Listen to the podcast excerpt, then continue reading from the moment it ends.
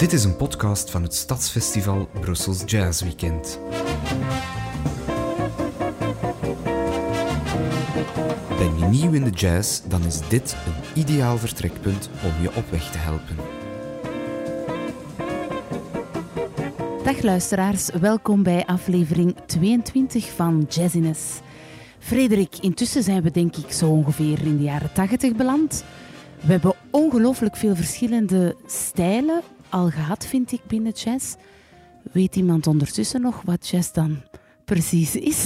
Ik, ik, vergelijk het soms met uh, als je naar de IKEA gaat, dan kan je daar bij de tapijtenafdeling ook van die tapijten kopen die, die samengesteld zijn uit allerlei oude tweedehandse, derdehandse dingen. dan heb je een soort kilim met een persisch tapijt in elkaar genaaid. Ja, dat, dat is min of meer wat de jazz vandaag is. Echt een lappendeken. Een lappendeken. En niemand weet nog precies van, ja, wat is het nu en waar staat het nu voor? We hebben zoveel verschillende muziek. En je mag ook niet vergeten, jaren 70, zelfs jaren 80, de grote legendes van de gouden jaren waarmee wij jazz nog associëren, nog altijd leefden. We mogen dat niet vergeten. Dat uh, ja, iemand als Duke Ellington bijvoorbeeld sterft in 1974, maar tot aan het moment van zijn, uh, van zijn overlijden is hij nog altijd zeer actief, maakt hij opnames. Count Basie, net hetzelfde, zal tijdens de jaren 70 blijven opnemen. Uh, Ella Fitzgerald, uh, Sarah Vaughan, Oscar Peterson, noem ze allemaal maar op. En ze worden vaak opgepikt door een man die heet Norman Granz. Norman Granz is, is weer een van die vele mensen achter de schermen. Dat was de man achter de Jazz at the Philharmonic die de jam sessies op het grote podium bracht. En ook veel van die jam sessies opnam uh, voor zijn eigen label vanaf de jaren 40, 50. Uiteindelijk zal dat het uh, Verve label worden. Verve, uh, een van de legendarische jazzlabels die er zijn. En in de jaren 70 gaat hij een nieuw label opstarten, dat heet Pablo. Alweer op de kracht en op de schouders van uh, uh, het talent van iemand als Ella Fitzgerald. En Pablo levert echt die oude, bekende jazz, swing jazz van weleer. En veel mensen vinden dat fantastisch. Er is een heel groot publiek voor. Het zijn ook prachtig opgenomen platen, zeker en vast aan te raden. Uh, en er zijn nog labels die op diezelfde kar springen. Je hebt een, een label als Concord bijvoorbeeld, dat vanaf de jaren 70 ook eigen jazzfestivals gaat uh, op poten zetten. En dat zich al wat meer met jonger talent uh, bezighoudt. Maar jong talent die vasthoudt aan wat tegen die tijd de mainstream jazz wordt genoemd. Um, ik, ik, kan oneindig veel namen noemen. Laat mij er één uitpikken. Dat is tenorsaxofonist Scott Hamilton. Scott Hamilton, een fantastische techneut, uh, iemand die prachtig speelt, maar die ook speelt op zijn saxofoon alsof die hele traditie van Sonny Rollins en John Coltrane en alle avant-gardisten, alsof dat nooit gebeurd is. Uh, de manier waarop hij speelt herinnert aan de grote tenoristen van Waleer, aan iemand als Lester Young bijvoorbeeld. Laat ons eens heel even luisteren naar een opname uit 1980. Dit is tenorist Scott Hamilton, die een oude standard speelt. Hoe kan het ook anders? Het heet I Should Care.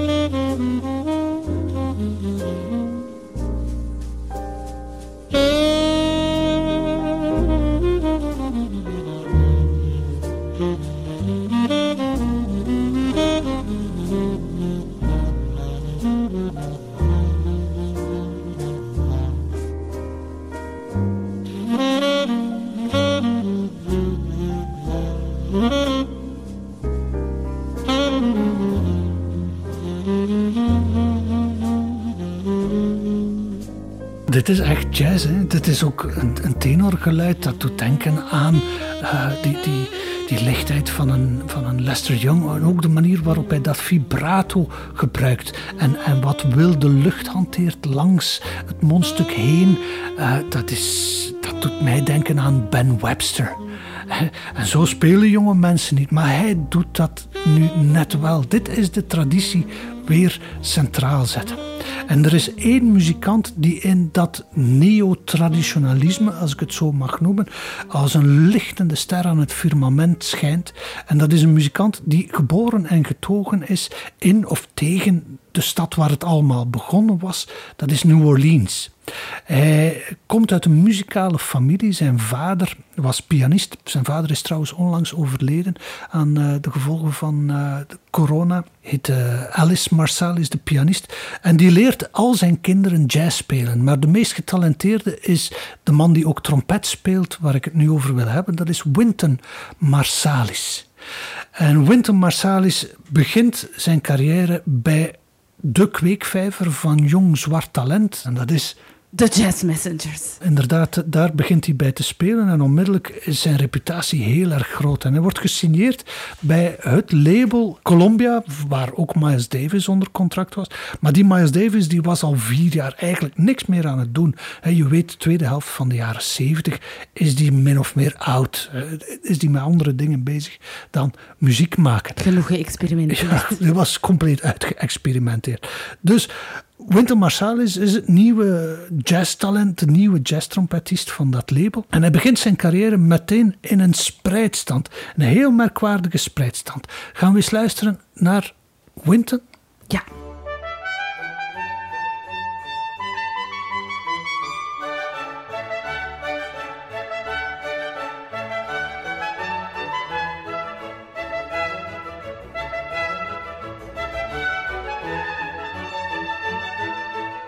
Is echt muziek voor een kostuumdrama. Ja, ja het, is waar, het is eigenlijk helemaal geen jazz.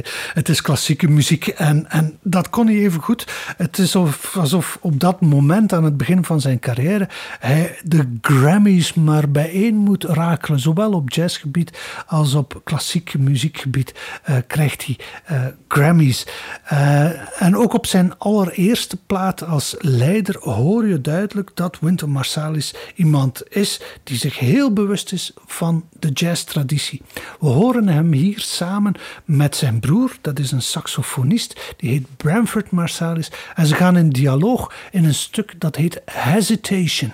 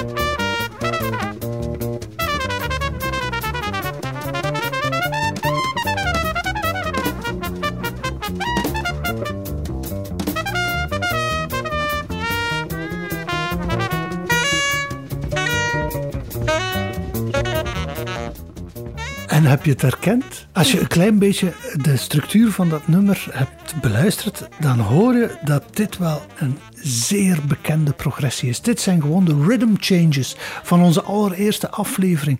Eh, het I Got Rhythm thema nog eens opnieuw. Dit is echt wel het DNA, het essentieelste van de traditie van jazz, gepresenteerd op een nieuw zilveren uh, Voilà.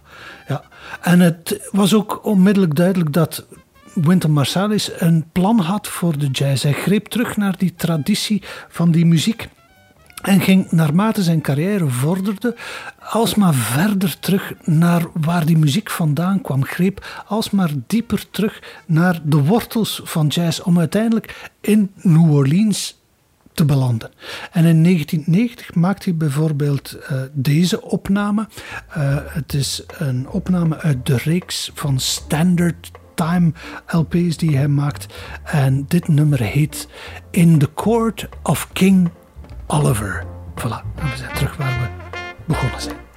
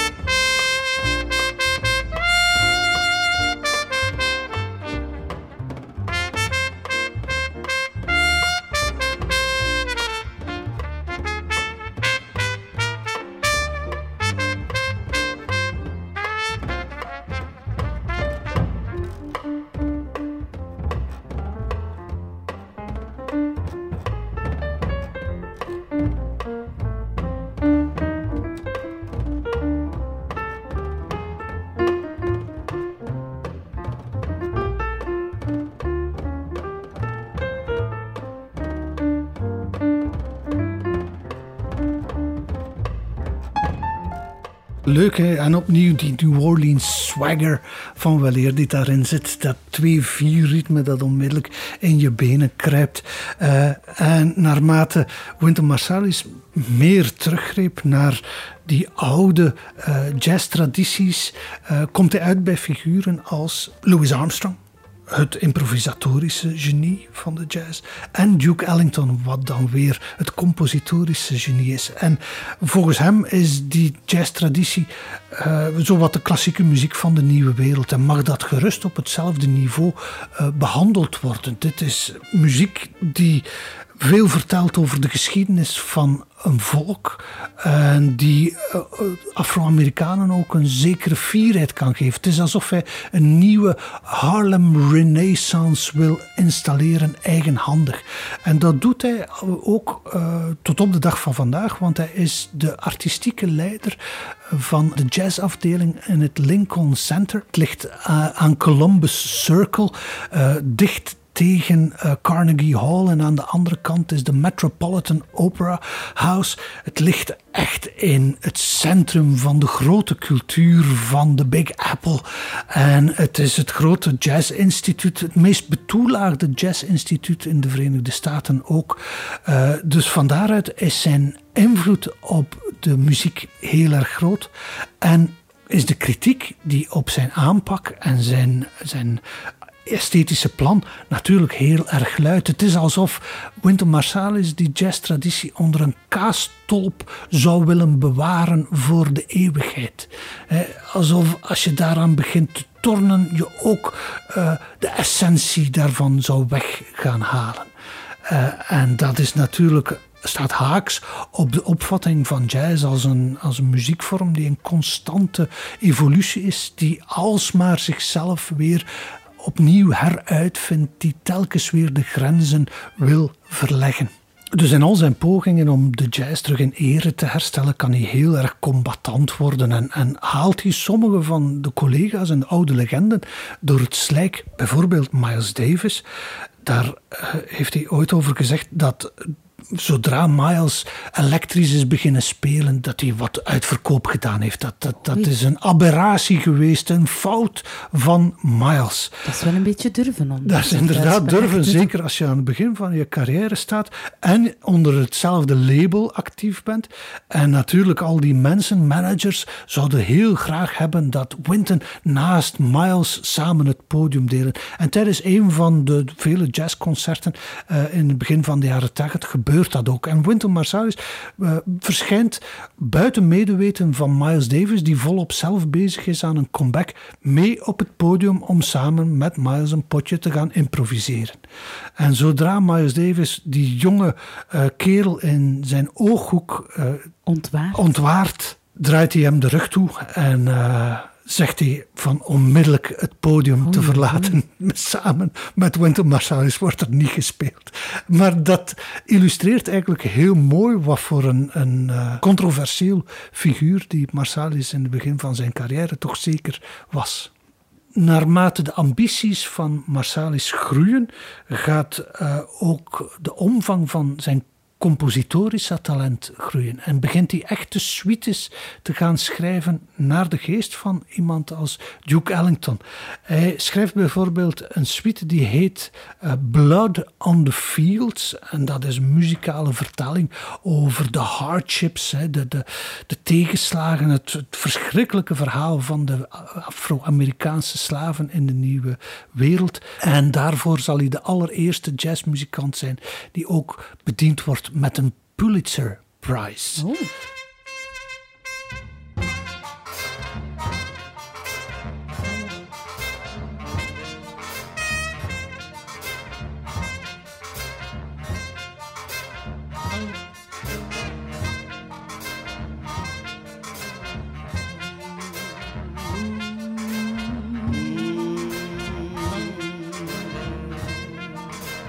lifted in a token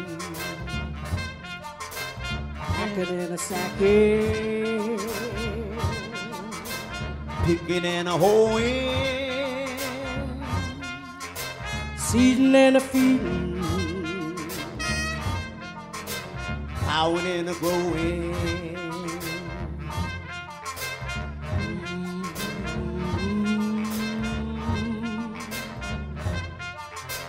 All day long, I raise my head to down by sun. Dead man's gaze, the field hands cry. Ziezo, worksong van Winter Marsalis, eh, uitgevoerd door uh, jazz het Lincoln Center Orchestra. Een van de, de allergrootste uh, actieve big bands nog van vandaag. Door het succes van dat traditionalisme van Wynton Marsalis lijkt het alsof alle uh, platenlabels in de jaren tachtig mee op de kar springen en ook een nieuwe uh, traditionele held willen gaan signeren. Vele daarvan komen uit New Orleans. bijvoorbeeld CBS gaat Terence Blanchard signeren, de trompetist ook. Of het eind van de jaren tachtig was er een film die heel erg populair was. Het was zo'n soort romantische komedie die terug deed denken aan de grote romantische comedies van de jaren 30 en 40. Uh, de film heette When Harry Met Sally. Ja. En de soundtrack was vol met oude jazzstandards die gespeeld werden door een jonge uh, crooner. Het was, het was een soort nieuwe Frank Sinatra, of eigenlijk misschien beter een nieuwe Nat King Cole, want hij begeleidde zichzelf ook aan de piano. Die heette Harry Connick Jr. En dat was voor veel mensen ook waar jazz op dat moment voor stond. En dat is misschien een mooie manier om onze eerste etappe in de jaren 80 mee te eindigen. Dit is Harry Connick Jr.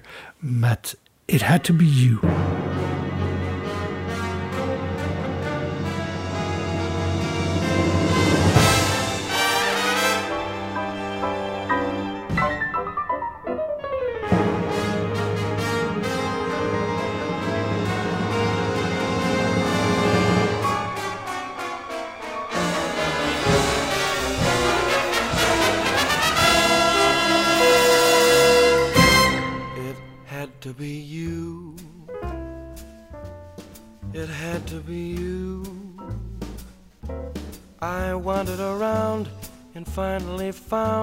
For somebody who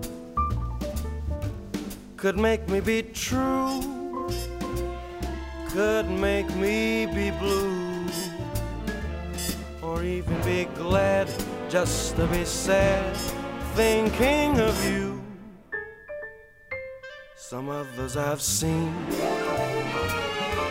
might never be mean, might never be cross or try to be boss, but they wouldn't do for nobody else gave me a thrill.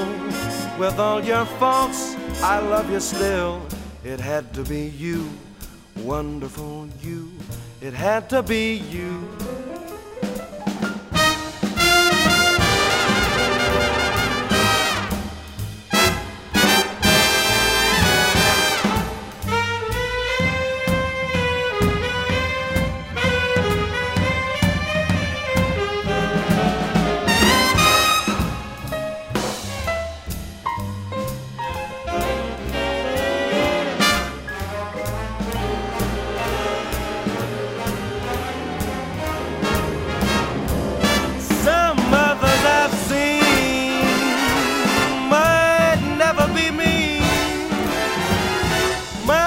Never be cross, try to be boss, they wouldn't do.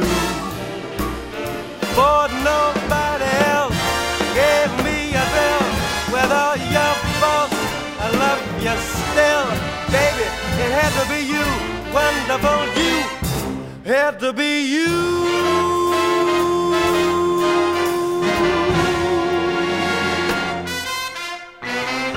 Zo zijn we bij het einde van deze aflevering gekomen. Frederik, heb je al een idee waar de volgende naartoe gaat? Ja, oude jazz en de traditie het zal nooit doodgaan. Hè. Tot op de dag van vandaag zijn mensen nog altijd vastgeketend aan de reissues en, en, en eh, de zoveelste eh, verjaardag van een, een album als Kind of Blue. Eh, maar de jazz staat ook niet stil. En je ziet dat in de jaren tachtig er ook een generatie is die met heel veel soorten muziek is opgegroeid. En jazz is maar één van de vele muziekjes die zij in een portfolio hebben. En ze zijn meer dan gretig genoeg om alles tegelijkertijd op het podium te gooien. Sommige mensen zouden dat postmodern kunnen noemen. Dan wordt dat het thema van de volgende. Tot dan!